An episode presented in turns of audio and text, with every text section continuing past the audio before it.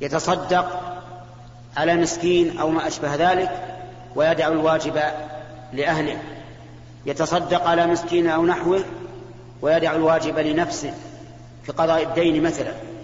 تجده مدينا يطالبه صاحب الدين بدينه وهو لا يوفي ويذهب يتصدق على المساكين وربما يذهب للعمرة أو لحج التطوع وما أشبه ذلك ويدع الواجب.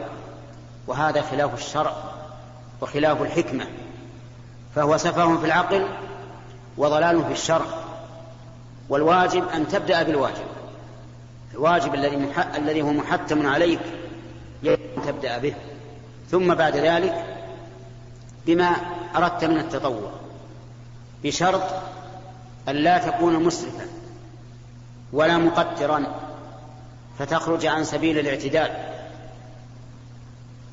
لقول الله تعالى في وصف عباد الرحمن والذين إذا أنفقوا لم يسرفوا ولم يقتروا وكان بين ذلك قواما.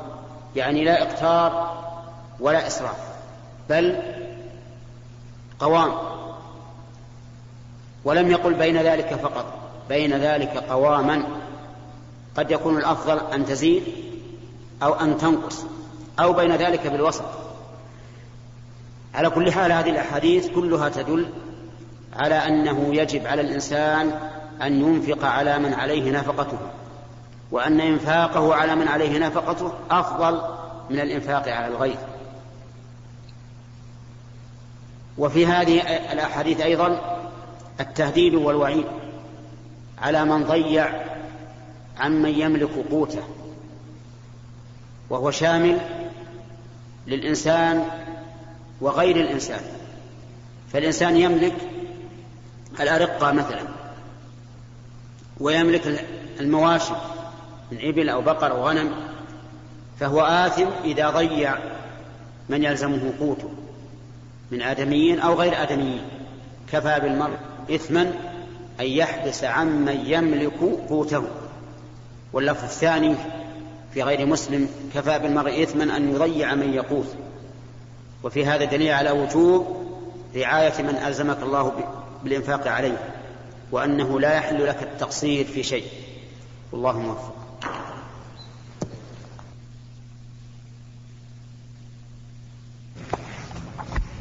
بسم الله الرحمن الرحيم.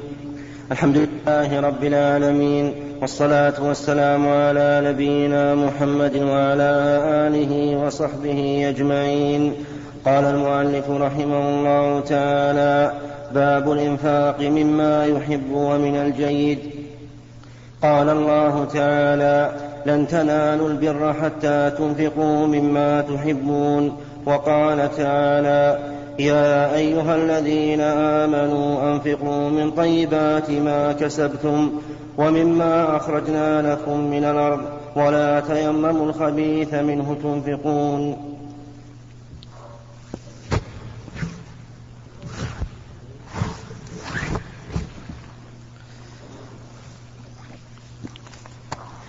وعن أنس رضي الله عنه قال كان أبو طلحة رضي الله عنه أكثر الأنصار بالمدينة مالا من نخل وكان أحب أمواله إليه بيرحاء وكانت مستقبلة المسجد. وكان رسول الله صلى الله عليه وسلم يدخلها ويشرب من ماء فيها طيب. قال أنس فلما نزلت هذه الآية لن تنالوا البر حتى تنفقوا مما تحبون.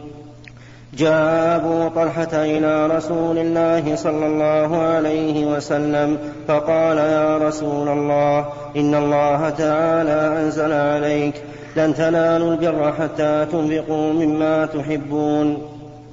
وإن أحب مالي إلي بيرها وإنها صدقة لله تعالى. أرجو برها وذكرها عند الله تعالى. فضعها يا رسول الله حيث أراك الله. فقال رسول الله صلى الله عليه وسلم بخ ذاك مال رابح ذاك مال رابح. وقد سمعت ما قلت وإني أرى أن تجعلها في الأقربين. فقال أبو طلحة افعل يا رسول الله؟ فقسمها أبو طلحة في أقاربه وبني عمه متفق عليه. بسم الله الرحمن الرحيم. قال المؤلف رحمه الله تعالى باب الإنفاق مما يحب ومن الطيب. لما ذكر رحمه الله وجوب الإنفاق على الزوجة وعلى الأقارب ذكر أنه ينبغي للإنسان أن يكون ذا همة عالية وأن ينفق من أطيب ماله ومما يحب من ماله. وهناك فرق بين الأطيب وبين الذي يحب. الغالب أن الإنسان لا يحب إلا أطيب ماله لكن أحيانا يتعلق قلبه بشيء من ماله وليس أطيب ماله. فإذا أنفق من الطيب الذي هو محبوب لعامة الناس ومما يحبه هو بنفسه وإن لم يكن من الطيب كان ذلك دليلا على أنه صادق فيما عامل الله به. ولهذا سميت الصدقة صدقة لدلالتها على صدق على صدق باذلها. فالإنسان ينبغي له أن ينفق من الطيب من أطايب ماله وينبغي له أن ينفق ما يحب حتى يصدق في تقديم ما يحبه الله عز وجل على ما تهواه نفسه. ثم استدل المؤلف رحمه الله بآيتين من كتاب الله. فقال وقول الله تعالى لن تنالوا البر حتى تنفقوا مما تحبون البر يعني الخير الكثير ومنه سمي البر للخلاء الواسع. فالبر هو الخير الكثير. يعني لن تنال الخير الكثير ولن تنال رتبة الأبرار حتى تنفق مما تحب. والمال كله محبوب لكن بعضه أشد محبة من بعض. فإذا أنفقت مما تحب كان ذلك دليلا على أنك صادق ثم نلت بذلك مرتبة الأبرار. وقال تعالى ولا تيمموا الخبيث ولا تيمموا الخبيث منه تنفقون ولستم بآخذيه إلا أن تغمضوا فيه. الخبيث من كل شيء بحسبه. فالخبيث من المال يطلق على الردي ويطلب على الكسب الردي ويطلب على ويطلق على الحرام. فمن إطلاقه على الردي قوله تعالى ولا تيمموا الخبيث منه تنفقون ولستم بآخذيه إلا أن تغمضوا فيه.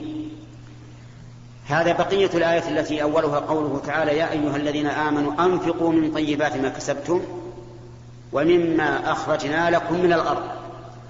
والخارج من الأرض منه الطيب ومنه الردي قال ولا تيمموا الخبيث. أي لا تقصدوا الخبيث وهو الردي تنفقون منه. ولستم بآخذيه إلا أن تغمضوا فيه. يعني لو كان الحق لكم ما أخذتم الردي إلا على إغماض وعلى كره. فكيف ترضون لغيركم أن تعطوه الردي وأنتم تأبون أن تأخذوه؟ وهذا من باب الاستدلال على الإنسان بما يقر به ويعترف به أنه لا يرضى أن يأخذ الردي بدلا عن الطيب فكيف يرضى أن يعطي الرديء بدلا عن الطيب. فالخبيث هنا بمعنى الردي الخبيث بمعنى الردي ومن ذلك أيضا تسمية النبي صلى الله عليه وآله وسلم البصل والفراث الشجرة الخبيثة لأنها رديئة منتنة كريهة حتى إن الإنسان إذا أكل منها وبقيت رائحتها في فمه فإنه يحرم عليه أن يدخل المسجد. لا للصلاة ولا لغير الصلاة. لأن المسجد معمور بالملائكة. فإذا دخل المسجد آذى الملائكة. الملائكة طيبون والطيبون للطيبات. تكره الخبائث من الأعمال والأعيان. فإذا دخلت المسجد وأنت, وأنت ذو رائحة كريهة آذيت, آذيت الملائكة. وكان الرجل في عهد الرسول عليه الصلاة والسلام. إذا دخل المسجد وقد أكل كراثا أو بصلا طردوه طردا. إلى البقيع. البقية تعرفون المسافة بينه وبين المسجد النبوي. بعيدة. يطرد إلى البقية لا يقرب المسجد. ونأسف أن بعض الناس نسأل الله لنا ولهم الهداية والعصمة يشرب الدخان أو الشيشة ويأتي إلى المسجد ورائحة الدخان والشيشة في فمه أو على ثيابه مع أن هذه رائحة كريهة. كل نكرهها حتى أن بعض الناس ما يستطيع يصلي جنب مثل هؤلاء. وهؤلاء يحرم عليهم أن يدخلوا المسجد والروائح الكريهة فيه. وكذلك من به إصنان. إصنان رائحة كريهة تفوح من إبطيه أو تفوح من أذنيه أو تفوح من رأسه. وتؤذي فإنه لا يجوز أن يصلي ما دامت الرائحة المؤذية فيه. لا يجوز أن يدخل المسجد بل يبتعد. والحمد لله هذه من من المصائب والبلاوي إذا ابتلي بمثل هذا لا يقول أنا كيف أحرم نفس المسجد؟ قل هذا من الله عز وجل. احرم نفسك المسجد ولا تؤذي الناس والملائكة. وحاول بقدر ما تستطيع أن تتخلص من هذه الرائحة إما بالتنظف التام أو بأن تضع روائح طيبة تغطي الرائحة الكريهة. هذا يمكن أن تعالج بأن يستعمل الإنسان روائح طيبة تغطي الرائحة الكريهة. ويكون الذي يشم ما يشم إلا الرائحة الطيبة. ومن إطلاق الخبيث على الكسب الردي قول النبي صلى الله عليه وآله وسلم كسب الحجام خبيث. الحجام الذي يخرج الدم بالحجامة. هذا كسبه خبيث يعني ردي. وليس المراد أنه حرام.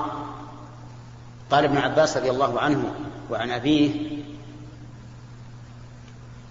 لو كان لو كان كسب الحجام حراما ما أعطاه النبي صلى الله عليه وآله وسلم أجرته.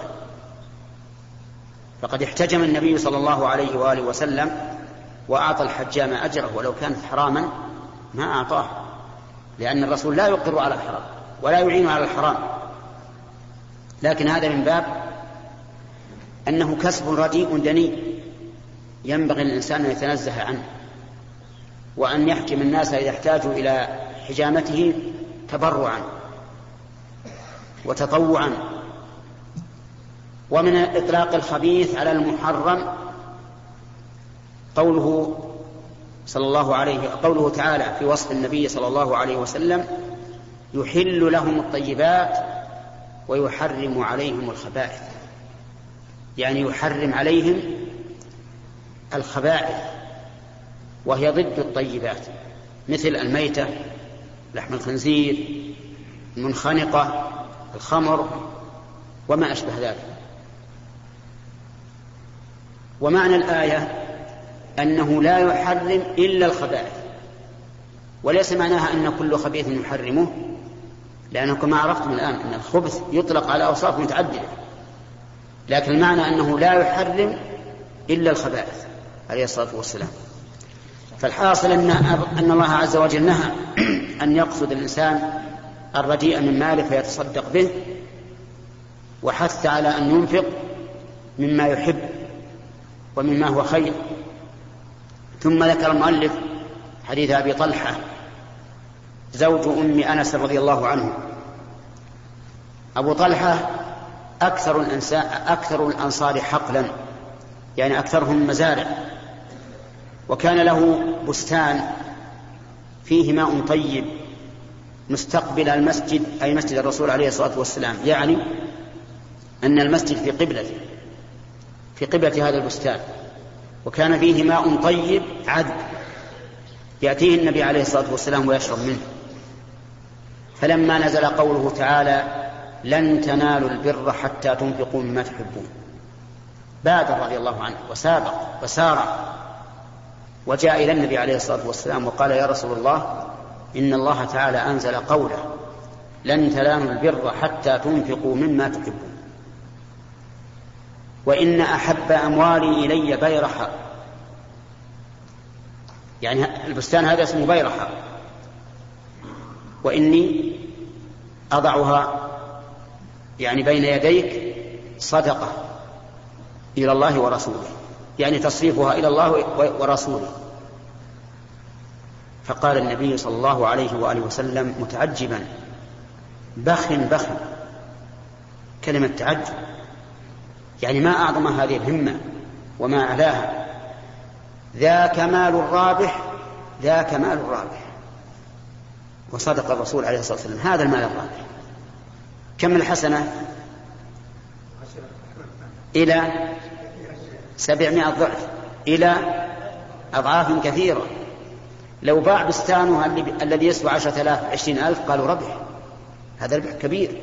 النصف ربح عظيم. لكن هذا يربح المئة ألف إلى سبعة آلاف إلى أضعاف كثيرة. إلى أضعاف كثيرة. الحسنة بعشر أمثالها إلى سبعمائة ضعف إلى أضعاف كثيرة. صدق النبي عليه الصلاة والسلام. ذاك مال الرابح. ذاك مال الرابح. أرى أن تجعلها في الأقربين. أرى أن تجعلها في الأقربين. أقرب ففعل رضي الله عنه. قسمها في أقاربه وبني عمه. وسيأتي إن شاء الله الكلام على بعض ما يستفاد من هذا الحديث لكن تعجبوا كيف كان مبادرة الصحابة رضي الله عنهم ومسارعتهم إلى الخير. وكان ابن عمر إذا أعجبه شيء في ماله تصدق به. إذا أعجبه شيء وتعلقت به نفسه تصدق به. لماذا؟ لأجل أن يربح. يربح تلقاه أمامه لكن ما ما تتمسك به فهو إما زائل عنك وإما أن تزول عنه أنت. ولا بد من لا بد من أحد غير إما أن يتلف أو تتلف أنت لكن يتقدم الذي تقدمه هو الذي يبقى. أسأل الله أن يعيننا وإياكم على أنفسنا ويعيذنا من البخل والشح. الحقيقة أن مالك الحقيقي هو ما تقدمه. ذبح آل النبي صلى الله عليه وسلم شاة وتصدقوا منها. فقدم النبي عليه الصلاة والسلام قالوا إننا تصدق يعني أكلناها إلا كتفها تصدقنا قال أبقيتم كتفها. يعني معنى الحديث لا يحضرون اللفظ لكن معناه أن ما أكلتم هو الذي تلف عليكم. وما تصدقتم به فهو الذي بقي لكم. فالحاصل أن الصحابة وذوي الهمم العالية هم الذين يعرفون قدر الدنيا وقدر المال. وأن ما قدموه هو الباقي وما أبقوه هو الفاني. نسأل الله أن يعيذنا وإياكم من البخل والشح والجبن والكسل. والحمد لله رب العالمين. اللهم بسم الله الرحمن الرحيم. الحمد لله رب العالمين والصلاة والسلام على نبينا محمد وعلى آله وصحبه أجمعين. نقل المؤلف رحمه الله تعالى عن أنس بن مالك رضي الله عنه قال كان أبو طلحة رضي الله عنه أكثر الأنصار بالمدينة مالا من نخل وكان أحب أمواله إليه بيرحا وكانت مستقبلة المسجد. وكان رسول الله صلى الله عليه وسلم يدخلها ويشرب من ماء فيها طيب قال أنس فلما نزلت هذه الآية لن تنالوا البر حتى تنفقوا مما تحبون. جاء أبو طلحة إلى رسول الله صلى الله عليه وسلم فقال يا رسول الله إن الله تعالى أنزل عليك لن تنالوا البر حتى تنفقوا مما تحبون وإن أحب مالي إلي بيرحا وإنها صدقة لله تعالى. أرجو برها وذخرها عند الله تعالى. فضعها يا رسول الله حيث أمرك الله. فضعها يا رسول الله حيث أراك الله. فقال رسول الله صلى الله عليه وسلم بخ ذاك مال رابح ذاك مال رابح وقد سمعت ما قلت وإني أرى أن تجعلها في الأقربين. فقال أبو طلحة رضي الله عنه أفعل يا رسول الله. فقسمها أبو طلحة في أقاربه وبني عمه. متفق عليه. باب وجوب أمر أهله وأولاده المميزين. قال الله تعالى وأمر أهلك بالصلاة واصطبر عليها. وقال تعالى يا أيها الذين آمنوا قوا أنفسكم وأهليكم نارا. وعن أبي هريرة رضي الله عنه قال أخذ الحسن بن علي رضي الله عنهما تمره من تمر الصدقة فجعلها في فيه. فقال رسول الله صلى الله عليه وسلم كخ كخ ارم بها أما علمت أنا لا نأكل الصدقة؟ متفق عليه. وفي رواية أنا لا تحل لنا الصدقة.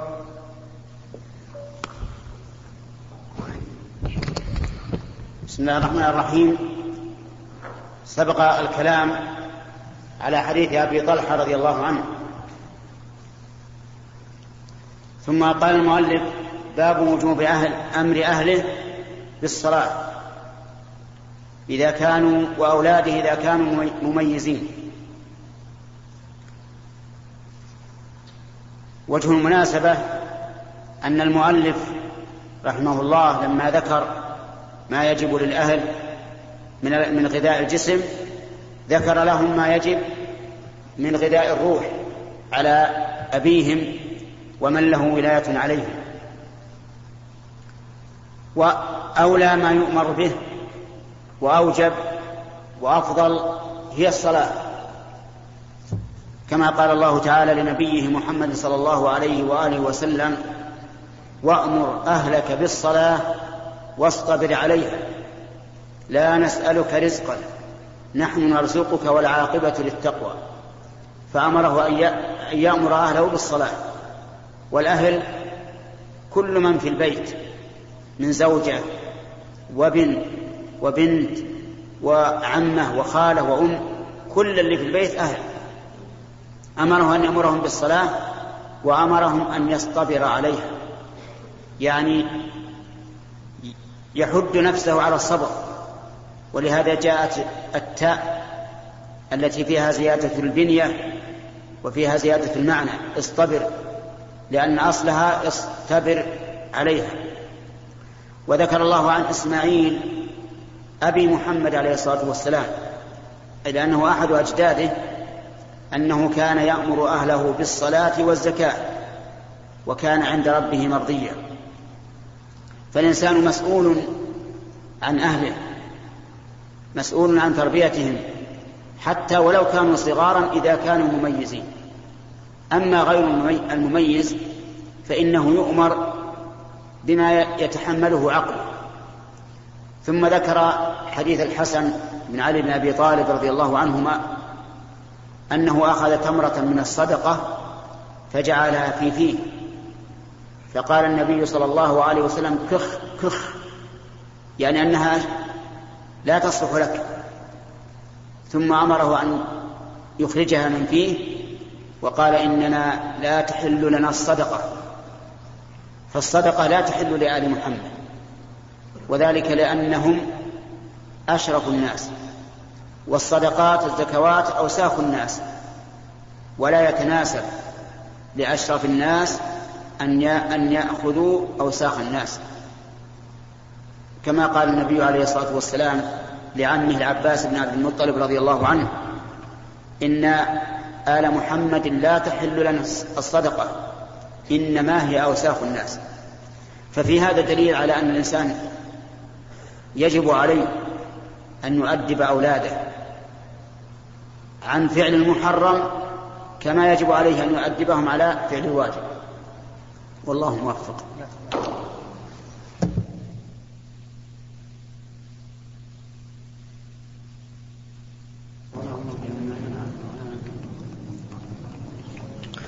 بسم الله الرحمن الرحيم.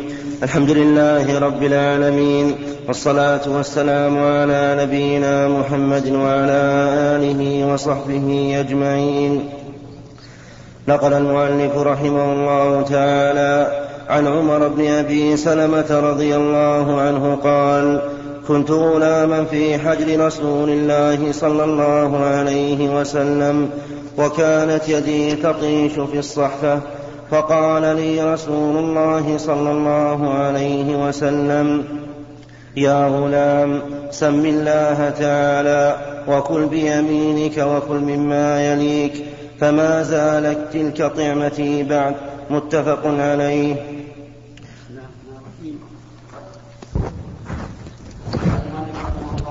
فيما نقله عن عمر بن أبي سلمة رضي الله عنه وكان ربيب النبي صلى الله عليه وآله وسلم لأنه ابن زوجته أم سلمة رضي الله عنها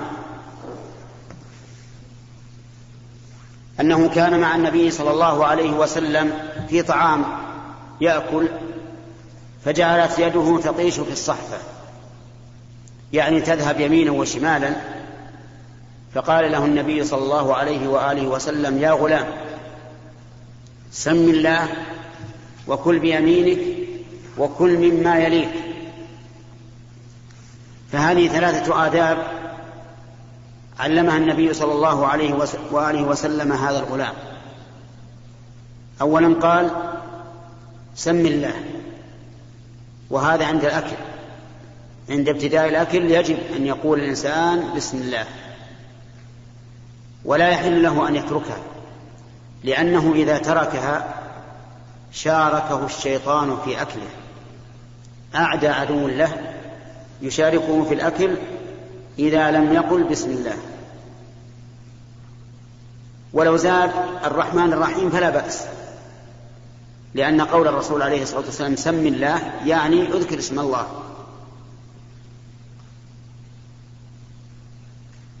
والتسمية الكاملة هي أن يقول الإنسان بسم الله الرحمن الرحيم كما ابتدأ الله بها كتابه وكما أرسل بها سليمان عليه الصلاة والسلام إنه من سليمان وإنه بسم الله الرحمن الرحيم. فإن اقتصرت على قول بسم الله فلا حرج وإن زدت الرحمن الرحيم فلا حرج الأمر في هذا واسع. وأما التسمية على الذبيحة فهي شرط من شروط التذكية. إذا لم تسمي على الذبيحة فهي حرام ميتة كأنما ماتت بغير ذبح. ولكن العلماء يقولون لا ينبغي أن يقول بسم الله الرحمن الرحيم لأنه الآن يريد أن يذبحها. فالفعل ينافي القول بالنسبة لهذه الذبيحة لأنها ستذبح. هكذا علل بعض العلماء. ولكن لو قالها أيضا فلا حرج. يا غلام سم الله وكل بيمينك. وهذا أمر على سبيل الوجوب. فيجب على الإنسان أن يأكل بيمينه وأن يشرب بيمينه. لأن النبي صلى الله عليه وسلم نهى أن يأكل الإنسان بشماله أو أن يشرب بشماله.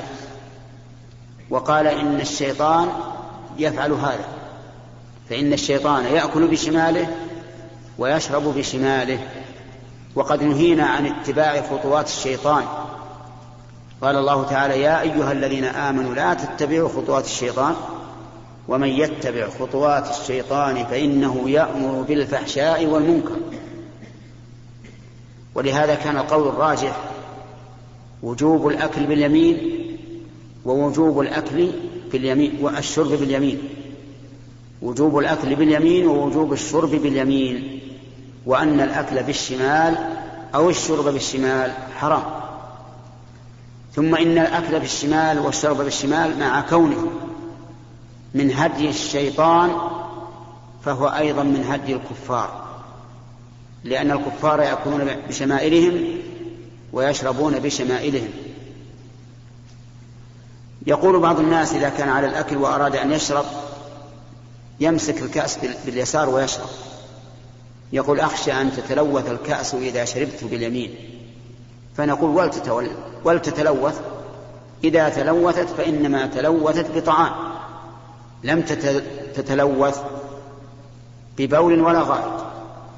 تلوثت بطعام ثم تغسل. وامسك, وأمسك الكأس من الأسفل بين إبهامك والسبابة. اجعلها كالحلقة ولا يتلوث منه إلا شيء يسير. ولا عذر لأحد بالأكل بالشرب بالشمال من أجل هذا لأن المسألة على سبيل التحريم والحرام لا يجوز إلا عند الضرورة.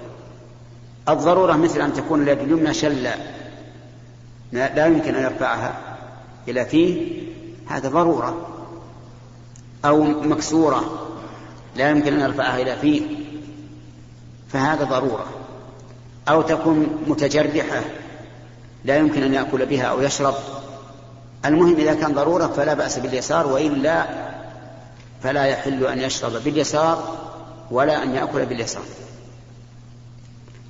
الأدب الثالث قال وكل مما يليك. يعني لا تأكل من حافة غيرك كل من الذي يليك. لأنك إذا اعتديت على حافة غيرك فهذا سوء أدب. فكل من الذي يليك. إلا إذا كان الطعام أنواعا. مثل أن يكون فيه لحم في, في غير الذي يليك فلا بأس أن تأكل. أو يكون فيه قرع أو ما أشبه ذلك مما يقصد فلا بأس أن تأكل من الذي لا يليك لأن أنس بن مالك رضي الله عنه قال أكلت مع النبي صلى الله عليه وآله وسلم فكان يتتبع الدب الدب القرع يتتبع يعني لقطة من على الصحفة ليأكلها هذا لا بأس به. وفي هذا الحديث من الفوائد أنه ينبغي للإنسان أن يؤدب أولاده على كيفية الأكل والشرب وعلى ما ينبغي أن يقول في الأكل والشرب كما فعل النبي صلى الله عليه وآله وسلم بربيبه. وفي هذا حسن خلق النبي صلى الله عليه وآله وسلم وتعليمه لأنه لم لم يزجر هذا الغلام حين جعلت يده تطيش في الصحفة ولكن علمه, علمه برفق. قال يا غلام ناداه برفق يا غلام سم الله وكل بيمينه وليعلم أن تعليم الصغار لمثل هذه الآداب لا ينسى. يعني أن الطفل لا ينسى إذا علمته وهو صغير لكن إذا كبر ربما ينسى إذا علمته.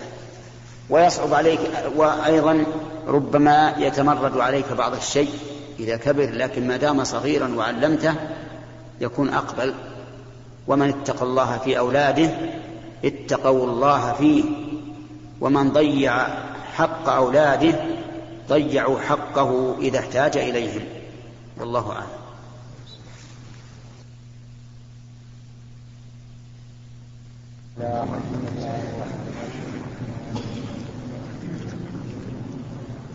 لا إله إلا الله. بسم الله الرحمن الرحيم. الحمد لله رب العالمين والصلاة والسلام على نبينا محمد وعلى آله وصحبه أجمعين. نقل المؤلف رحمه الله تعالى عن عمرو بن شعيب عن أبيه عن جده رضي الله عنه قال قال رسول الله صلى الله عليه وسلم مروا أولادكم بالصلاة وهم أبناء سبع سنين. واضربوهم عليها وهم أبناء عشر وفرقوا بينهم في المضاجع. حديث حسن رواه أبو داود بإسناد حسن. وعن سبرة بن معبد الجهني رضي الله عنه قال قال رسول الله صلى الله عليه وسلم علموا الصبي الصلاة لسبع سنين واضربوه عليها ابن عشر سنين. حديث حسن رواه أبو داود والترمذي وقال حديث حسن. ولفظ أبي داود مر الصبي بالصلاة إذا بلغ سبع سنين.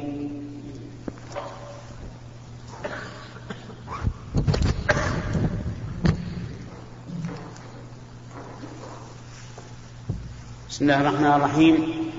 قال المؤلف رحمه الله تعالى فيما نقله عن عمرو بن شعيب عن أبيه عن جده أن رسول الله صلى الله عليه وآله وسلم قال مروا أولادكم للصلاة بالصلاة وهم أبناء سبع سنين واضربوهم عليها وهم أبناء عشر سنين. وهو حديث حسن له شاهد من حديث سبرة بن معبد الجهني رضي الله عنه. وهذا من حقوق الأولاد على آبائهم أن يأمروهم بالصلاة. إذا بلغوا سبع سنوات وأن يضربوهم عليها أي على التفريط فيها وإضاعتها إذا بلغوا عشر سنوات. ولكن بشرط أن يكونوا ذوي عقل. فإن بلغوا سبع سنين وهم لا يعقلون يعني فيهم جنون أو عشر سنين فإنهم لا يؤمرون بالشيء ولا يضربون على شيء لكن يمنعون من الإفساد. سواء في البيت أو خارج. البيت وقوله يضربوهم عليها وهم ابناء عشر سنين. المراد الضرب الذي يحصل به التأديب بلا ضرر. فلا يجوز أن يضربهم ضربا مبرحا ولا يجوز أن يضربهم ضربا مكررا. لا حاجة إليه.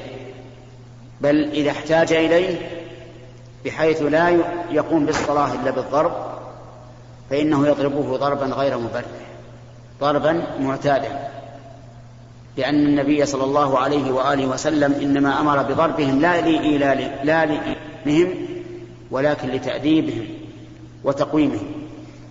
وفي هذا الحديث إشارة إلى أن ما ذهب إليه بعض المتأخرين ممن يدعون أنهم أصحاب تربية من أن الصغار لا يضربون في المدارس إذا أهملوا في هذا الحديث دليل على الرد عليه وعلى بطلان فكرته وأنها باطلة لأن النص ينفعه الكلام في الغالب والضرب ينفعه أكثر فلو أنهم تركوا بدون ضرب لضيعوا الواجب عليهم وفرطوا في الدروس وأهملوا فلا بد من ضربهم ليعتادوا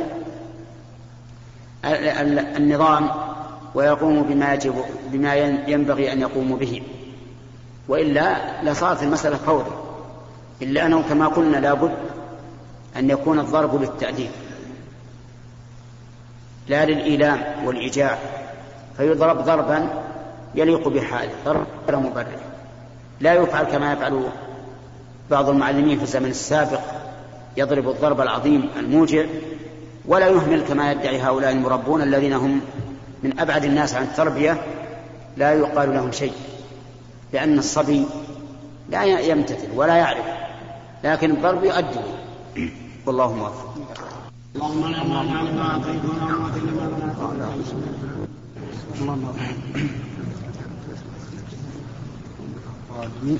بسم الله الرحمن الرحيم. الحمد لله رب العالمين. والصلاة والسلام على نبينا محمد وعلى آله وصحبه أجمعين. قال رحمه الله تعالى حق الجار والوصية به. قال الله تعالى واعبدوا الله ولا تشركوا به شيئا وبالوالدين إحسانا. وبذي القربى واليتامى والمساكين والجار ذي القربى والجار الجنب والصاحب بالجنب وابن السبيل وما ملكت أيمانكم وعن عبد الله بن عمر رضي الله عنهما قال قال رسول الله صلى الله عليه وسلم ما زال جبريل يوصيني بالجار حتى ظننت أنه سيورث متفق عليه.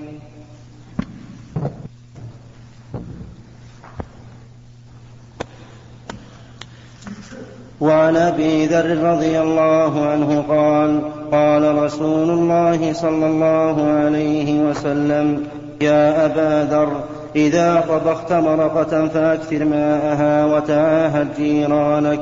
رواه مسلم. وفي رواية له عن أبي ذر قال إن خليلي صلى الله عليه وسلم أوصاني إذا طبخت مرقة فأكثر ماءها ثم انظر أهل بيت ثم انظر أهل بيت من جيرانك فأصبهم منها بمعروف. وعن أبي هريرة رضي الله عنه أن النبي صلى الله عليه وسلم قال والله لا يؤمن والله لا يؤمن والله لا يؤمن. قيل يا قيل من يا رسول الله؟ قال الذي لا يأمن جاره بوائقه. متفق عليه.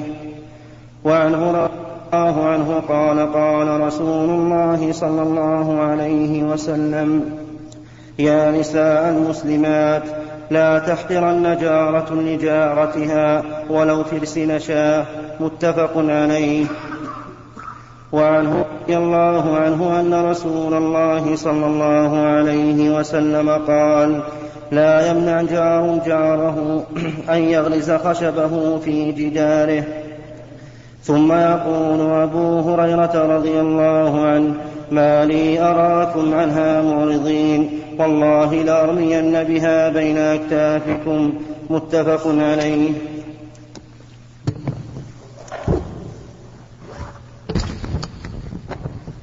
بسم الله الرحمن الرحيم. قال المؤلف رحمه الله تعالى باب حق الجار والوصية به. الجار هو الملاصق لك في بيتك والقريب من ذلك. وقد وردت بعض الآثار بما يدل على أن الجار أربعون دارا من كل جانب. ولا شك أن الملاصق للبيت لا شك أنه جار. وأما ما وراء ذلك فإن صحت الأخبار بذلك عن النبي صلى الله عليه وآله وسلم فالحق ما جاءت به وإلا فإنه يرجع في ذلك إلى العرف فما عده الناس جوارا فهو جوار. ثم ذكر المؤلف رحمه الله الآية آية النساء واعبدوا الله ولا تشركوا به شيئا إلى قوله تعالى وذي القربى والجار الجنب. الجار ذو القربى يعني الجار القريب. والجار الجنب يعني الجار البعيد الأجنبي الأجنبي منك. قال أهل العلم والجيران ثلاثة جار قريب مسلم فله حق الجوار والقرابة والإسلام. وجار مسلم غير قريب فله حق الجوار والإسلام. وجار كافر فله حق الجوار. وإن كان قريبا فله حق القرابة أيضا. فهؤلاء الجيران لهم حقوق. حقوق واجبة وحقوق يجب تركها. ثم ذكر المؤلف ثلاثة أحاديث بل أربعة أحاديث أو خمسة عن ابن عمر وعن أبي ذر وعن أبي هريرة. أما حديث ابن عمر ففيه أن النبي صلى الله عليه وسلم قال ما زال جبريل يوصيني بالجار حتى ظننت أنه سيورث سيورثه. أي سينزل الوحي بتوريثه. وليس المعنى أن جبريل يشرع أو يشرع توريثه لأن جبريل ليس له حق في ذلك لكن المعنى أنه سينزل الوحي الذي يأتي به جبريل بتوريث الجار. وذلك من شدة إيصاء جبريل به النبي صلى الله عليه وآله وسلم. وأما حديث أبي ذر ففيه أن الإنسان ينبغي له إذا وسع الله عليه برزق أن يصيب منه جاره بعض الشيء بالمعروف. حيث قال عليه الصلاة والسلام إذا طبخت مرقة فأكثر ماءها وتعاهد جيرانك أكثر ماءها يعني زدها في الماء لتكثر وتوزع على جيرانك منها والمرقة عادة تكون من اللحم أو من أو من غيره مما يقتدم به. وهكذا أيضا إذا كان عندك طعام غير المرق أو شراب كفضل اللبن مثلا فضل الرطب وما أشبهه ينبغي لك أن تعاهد جيرانك به لأن لهم حقا عليك. وأما حديث أبي هريرة حديث أبي هريرة ففيها أن النبي صلى الله عليه وسلم أقسم ثلاث مرات فقال والله لا يؤمن والله لا يؤمن والله لا يؤمن. قالوا من يا رسول الله؟ قال من جاره بوائقه يعني غدره وخيانته وظلمه وعدوانه. فالذي لا يأمن جاره من ذلك ليس بمؤمن. وإذا كان يفعل ذلك ويوقعه فعلا فهو أشد. وفي هذا دليل على تحريم العدوان على الجار سواء كان ذلك بالقول أو بالفعل. أما في القول فأن يسمع منه ما يزعجه ويقلقه كالذين يفتحون أو التلفزيون أو غيرها أو غيرهما مما يسمع فيزعج الجيران. فإن هذا لا يحل له. حتى فتحوا على كتاب الله وهو مما يزعج الجيران بصوته فإنه معتد عليه. ولا يحل له أن أن يفعل ذلك. وأما فيكون بإلقاء الكناسة الكناسة